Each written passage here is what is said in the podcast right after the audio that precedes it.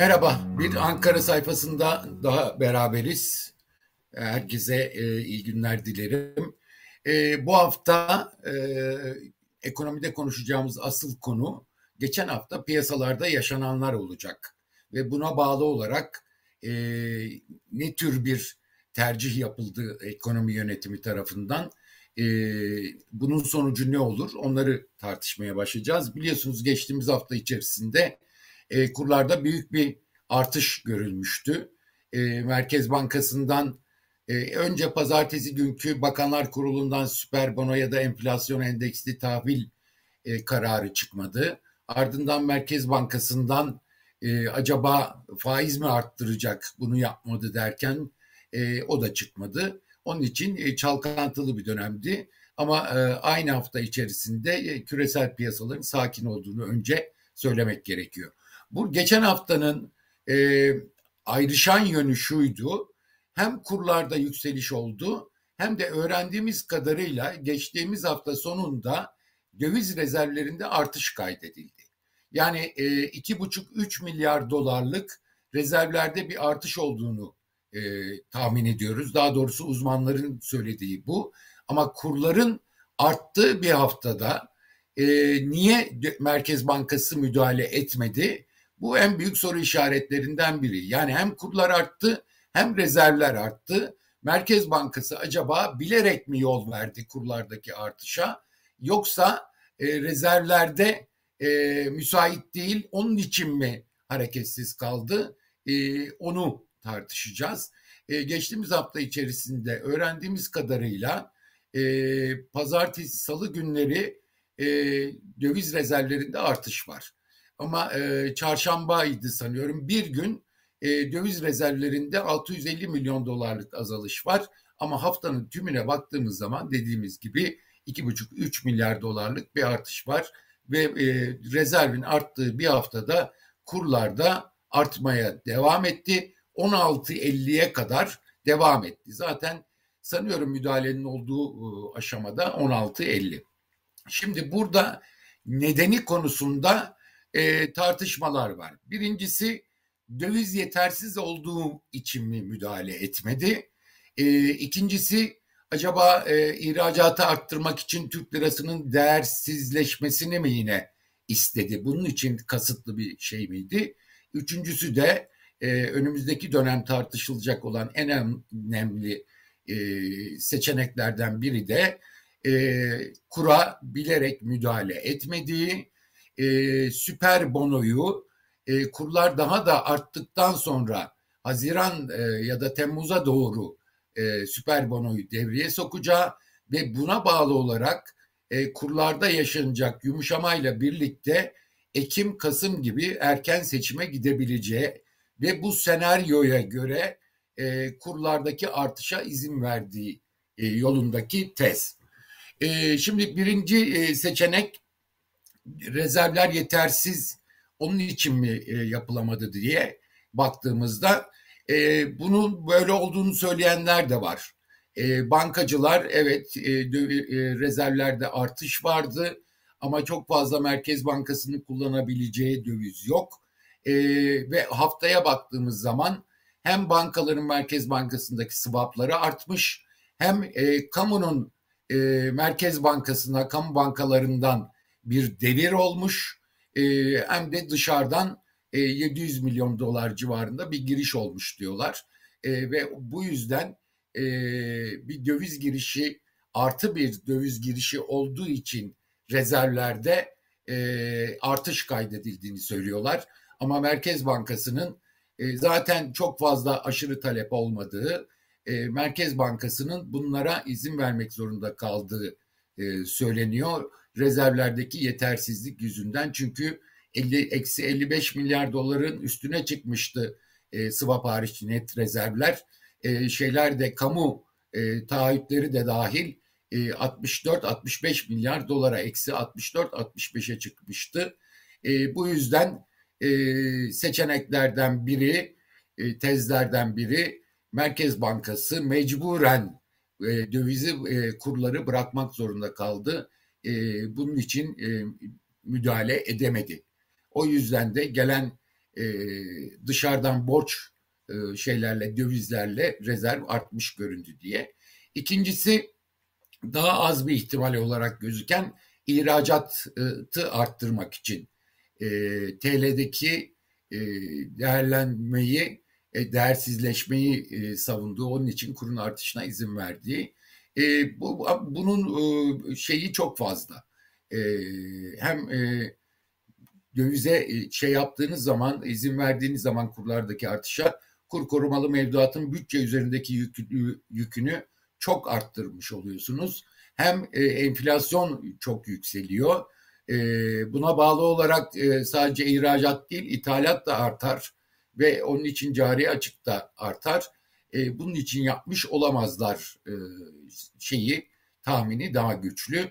E, en önemli e, seçenek e, zaten siyasi kulislerde de konuşulan bir erken seçim mi olacak e, şeyiyle birlikte konuşulan e, hükümetin bilerek kurlardaki artışa izin verdiği, önümüzdeki dönemde 17,5 hatta 18'e kadar çıkışına kadar fazla müdahale etmeyeceği, daha sonra kur korumalı mevduattaki gibi e, süper bono ya da e, enflasyona endeksli tahvil çıkarıp kurları yumuşatacağı ve biz kurları düşürüyoruz havasıyla e, Ekim, Kasım gibi bir erken seçime gideceği yönündeki tahminler. E, burada e, 17,5-18'e çıkan kuru kaça kadar indirir derseniz 15,5'un altına pek fazla inmesi açıkçası uzmanların söylediğine göre pek fazla ihtimal verir, verilmiyor. Enflasyona endeksli ya da süper bono etkili olur mu noktasına gelince gerçekten erken seçim için e, e, yeterli bir enstrüman olur mu tartışmasına gelince e, enflasyona endeksli e, tahvil konusunda e, daha kötümser bakılıyor. Çünkü zaten e, bankalara satılan uzun vadeli enflasyona endeks tahviller olduğu bunun tasarrufçular tarafından çok fazla kabul görmediği söyleniyor. Artı e, enflasyona endeksli tahvilin nasıl dizayn edileceği çok önemli e, deniliyor. Bankacılar tarafından bu söyleniyor. Yani enflasyon kadar mı e, ne kadar ne kadar zamanda bir küpür ödemesi olacak? Enflasyonun üzerine artı bir e, faiz verilecek mi? Kur korumalı mevduattan Haziran ayında büyük çözülme bekleniyor. Çünkü işletmelerin e, kur korumalı mevduat hesabının geri dönüşleri Haziran'da başlıyor. E, bunlar e, yeniden çözülüp dövize talep yaratabilir. KKM'yi de içine alacak bir dizayn mı yapılacak? E, o önemli diyorlar. Yoksa sadece döviz hesapları için mi yapılacak? E, piyasada 15 milyar dolarlık bir hacimden bahsediliyor diyor bankacılar. Artık söyledikleri bir başka şey. Yabancılar da e, bu şeyi bekliyor uygulamayı. Ama yabancıların daha çok sıcak baktığı konu süper bono diyorlar. Yani nominal faiz verilecek e, belirli bir dönem için e, 6 ay belki belki bir yıl e, süper bono çıkarıp e, yüksek faiz vererek e, hem KKM'den döneni hem de döviz hesaplarını buraya çekmek mümkün olabilir. Süper bono etkili olur ama e, enflasyona endeksli tahvil tartışmalı olur diyorlar. Ama her ikisinde de riskin olduğu e, 4-5 ay yani Haziran'da uygulamaya girerse Ekim sonu Kasım'a kadar bu etkinin gidebileceği e, gitme riskinin de bulunduğu söz ediliyor e, buralarda. Bu erken seçim senaryolarında bir başka şeye daha e, yer veriliyor doğal olarak. E, eğer böyle bir uygulamaya gidilirse e, Temmuz ayında maaşlara da çok yüksek oranlı bir zam gerekeceği söyleniyor. E, eğer bu da hepsi birlikte olursa bir Ekim-Kasım gibi seçimden konuşulabileceğini kaydediyorlar. E, asgari ücret e, biliyorsunuz açlık sınırı 6 milyarı aştı. 4250 e, asgari ücret yüksek oranlı asgari ücrete zam yapılırsa memur ve e, işçi ve emeklilere daha yüksek oranlı zamlar yapılıp bir de süper bono girerse e, işte o zaman Ekim sonu Kasım'a kadar e, bu işin sürebileceği söyleniyor. Hatta e, 6 Kasım'ın e, iyi bir tarih olacağını e, söyleyen uzmanlar da var. E, ama bütün bunları önümüzdeki dönem göreceğiz. Gerçekten mecbur kaldığı için mi kura izin veriyor? Kur korumalı mevduatla ilgili büyük yüke rağmen yoksa e, bir erken seçim senaryosu olarak mı e, devreye soktular kur artışlarını? Onu önümüzdeki dönem e, göreceğiz. Daha sonra belli olacak. Bu arada enflasyon çok yükseliyor. Önümüzdeki hafta içerisinde Mayıs ayı enflasyon rakamı açıklanacak. bu konuyla ilgili uzmanlara sorduğumuzda yıllık enflasyonun Mayıs sonunda yüzde yetmiş beşi bulmasının kesin olduğunu söylüyorlar. Türk İş'in gıda enflasyonu belirlemesi Mayıs ayı için 13. 5 aylık yüzde 46-47 belirlemiş durumda. E, bu, bu da gıda enflasyonu yüksek ve e, özellikle dar ve sabit gelirlerin harcaması içinde çok büyük pay olan gıda harcaması nedeniyle e, fakirleştirmeyi arttırdığı kesin. Yani asgari ücrette çok önemli artışlar kaydedilmesi gerekiyor. E, enflasyon yükselmeye devam ediyor. E, verilere göre e, Ekim sonunda e, enflasyonun yüzde 85'in üzerine çıkması hemen hemen kesin görülüyor. Bu da e, kurlarda aylık yüzde bir buçukluk artış halinde mümkün. Yani e, kurlarda geçen hafta ya da Mayıs ayının tümünde gördüğümüz gibi aylık yüzde onluk artışlar devam ederse o zaman e, üç haneli enflasyon bence kaçınılmaz olacak gibi gözüküyor şimdiden. E, bunu da söylemek gerekiyor. E, bütçe açıkları artacak. Hem kur korumalı mevduatla e, gelecek yükle birlikte e, hem de ilk 6 ayda e, artan enflasyon nedeniyle bütçe vergi gelirleri çok yükselmişti.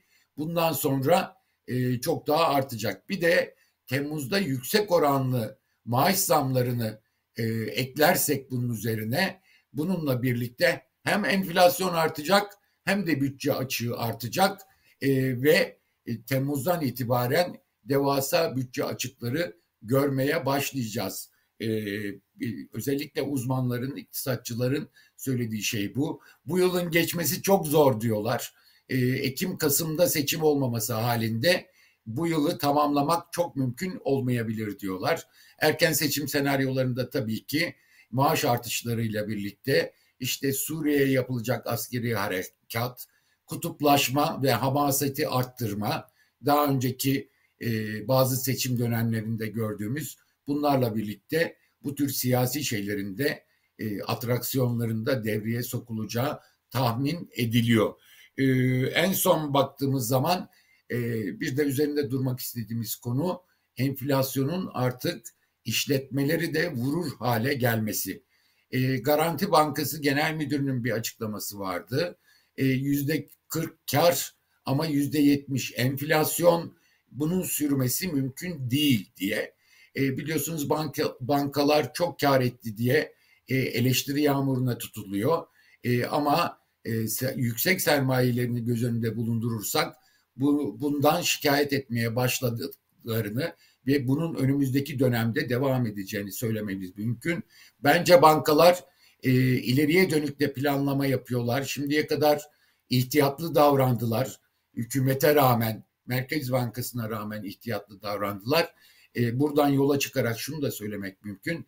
Bankacılık sektörü mevcut ekonomik politikaların sürdürülebilirliğinin giderek azaldığının farkında. Konuştuğumuz bankacılar da bunu açıkça söylüyorlar ve bunun sonunda hem enflasyon nedeniyle işletme sermayelerinin eridiğini hem de e, bunun sonucunda çok radikal e, makroekonomik istikrar tedbirlerinin gelmesinin kaçınılmaz olduğunu söylüyorlar. E, istikrar tedbirleri geldiğinde de e, yine banka karlılıkları olumsuz etkilenmesi kaçınılmaz. E, bunu önceden görüyorlar ve bunun e, şikayetini dile getirmeye başladılar haklı olarak. İşletme sermayeleri eriyor. Ee, önümüzdeki dönem ne olacak diye baktığımızda biliyorsunuz bir süredir e, halktan işletmelere, bankalara bir sermaye transferi olduğunu söylüyoruz.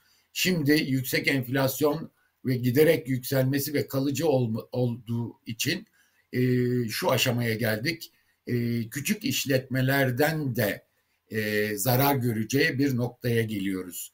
E, işletme sermayeleri eridikçe likiditeye ulaşamayan özellikle küçük işletmelerin ya konsolide olacağı büyükler tarafından e, satın alınmaya başlanacağı ya da kapanacağı bunun da önümüzdeki bir iki ay içerisinde gerçekleşmeye başlayacağı söyleniyor. Yani enflasyonla mücadele etmeyen hükümet e, efendim bununla e, sözde işletmelere, özel sektöre kar transferi sağlamaya çalışan hükümet sonunda yüksek transferi yaptığı kesimlerin bir bölümünü de vurmaya başlayacağını önümüzdeki aylarda görmeye başlayacak. Bütün bu gelişmeler ışığında gerçekten bir e, erken seçim olacak mı? E, erken seçime gidilirken gerçekten bir e, ekonomide rahatlık havası sağlanacak mı? Bu çok zor e, ama önümüzdeki dönem yaşayıp göreceğiz diyorum. E, önümüzdeki hafta buluşmak üzere.